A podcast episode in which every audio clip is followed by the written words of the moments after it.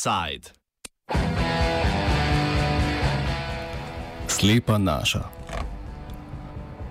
Hrvaško ministrstvo za zdravje je te dni razglasilo, da jim ne bo uspelo ugoditi zahtevi vrhovnega sodišča, da do konca julija oblikuje nov zakon o splavu. Po sedaj veljavnem zakonu iz leta 1978 so dovoljeni zgolj splavi pred desetim tednom nosečnosti, v redkih primerjih in ob zdravstveni nevarnosti za mater, pa pred 20 tednom nosečnosti. Glavni problem za ženske na Hrvaškem, ki želijo upravljati splav, pa sta stigma iz okolja, v katerem so ga prisiljeni upravljati.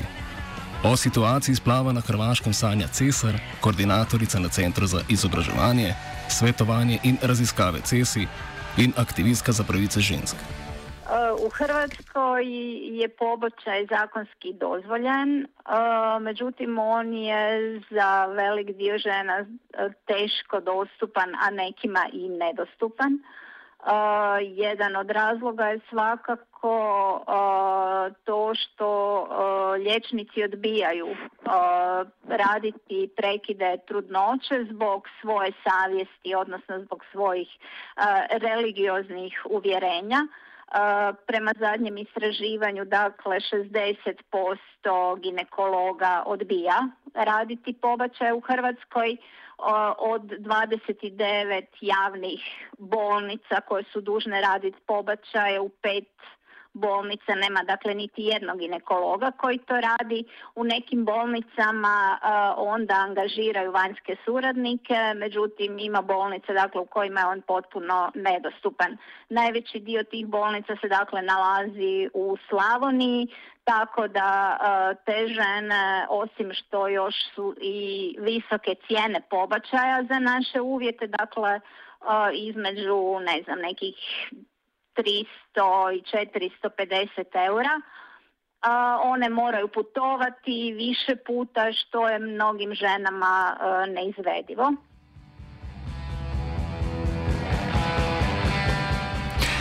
Posebno jo skrbi nedostopnost splava za najbolj ogrožene skupine in nelegalni nevarni posegi.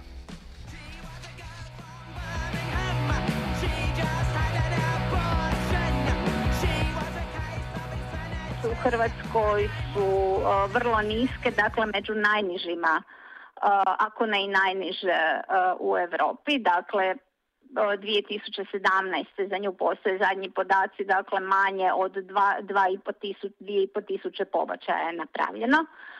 Ono što je isto tako problem u Hrvatskoj je što je nedostupan medikamentozni pobačaj, dakle pilule za pobačaj.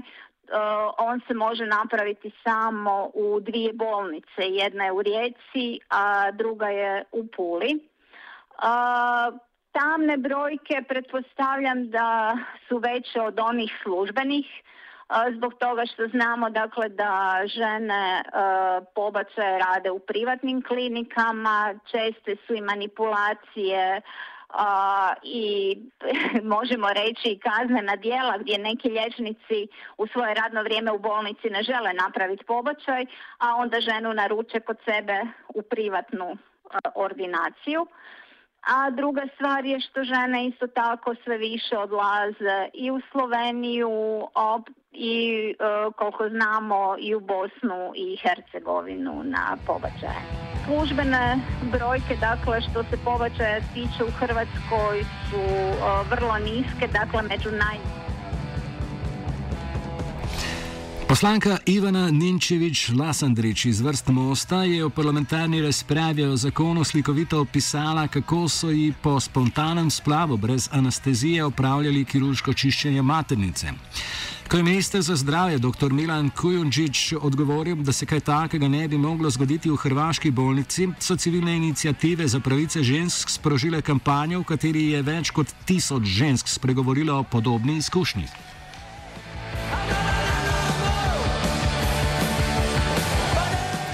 Po besedah žensk je največji problem stigmatizacija v samem zdravstvenem sistemu, kjer so pogosto tarča posmeha in žalitev strani zdravnikov, ki bi morali skrbeti za njihovo zdravje.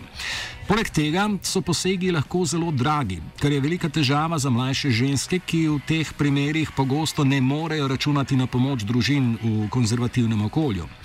Poleg tega hrvaški zakon ginekologom dovoljuje, da zaradi osebnih prepričanj ne opravljajo splava.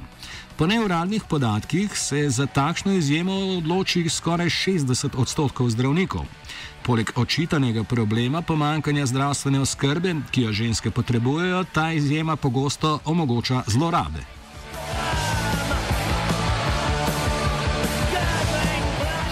Zdravniki namreč pacijentkam povedo, da zaradi osebnih razlogov ne bodo opravili splava v javni ustanovi in jim ponudijo izvajanje splava v privatni ordinaciji, v kateri seveda dela isti ginekolog.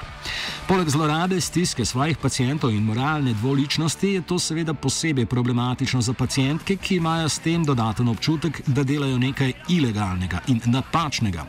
Ustavno sodišče je ministrstvo sicer naročilo spremembo zakona. Ustavni sud je dakle već prije 20 i više godina dobio zahtjev da se ocjeni ustavnost zakona o prekidima trudnoće, dakle zakona koji je donesen 78. godine s obzirom da je Hrvatska donijela novi e, ustav i tražilo se u kojem više nema one odredbe da svaka osoba može odlučivati o slobodnom rađanju djece, nego postoji odredba da svako ima pravo na život, da onda to znači da dakle taj stari zakon nije u skladu s Ustavom. I to je tako 20 godina Ustavni sud odlagao donošenje odluke i konačno se evo bio primio tog posla prije nekoliko godina i oni su dakle donijeli odluku u kojoj e, kažu da je zakon u skladu sa Ustavom, dakle i da e, u principu novi zakon koji se donosi e, a ne bi trebao ići ispod već uspostavljenih standarda. To znači da je ovih sada deset tjedana u kojih je dozvoljen, dakle od začeća u kojih je dozvoljen pobačaj, ne bi se smjela ta granica dirati. Zakon je kljub temu po mnenju sodišča potreben prenove, saj so naprimer kazni določene v dinarjih. Pomembno vlogo pa v njem še vedno igra delovski odbor za samoupravljanje. Sodišče je zato predlagalo prenovo zakona in pri tem zakonodajalskim organom dovolilo določene spremembe zakona. Stavlja zakonodavcu prostor, da uh, donese različite preventivne mjere da bi se smanjio broj pobačaja, isto tako ih potiče da reguliraju i priziv e, savjesti. On nekako i dozvoljava da se razmišlja u smjeru da se uvedu i periodi čekanja, dakle za koje mi svakako smatramo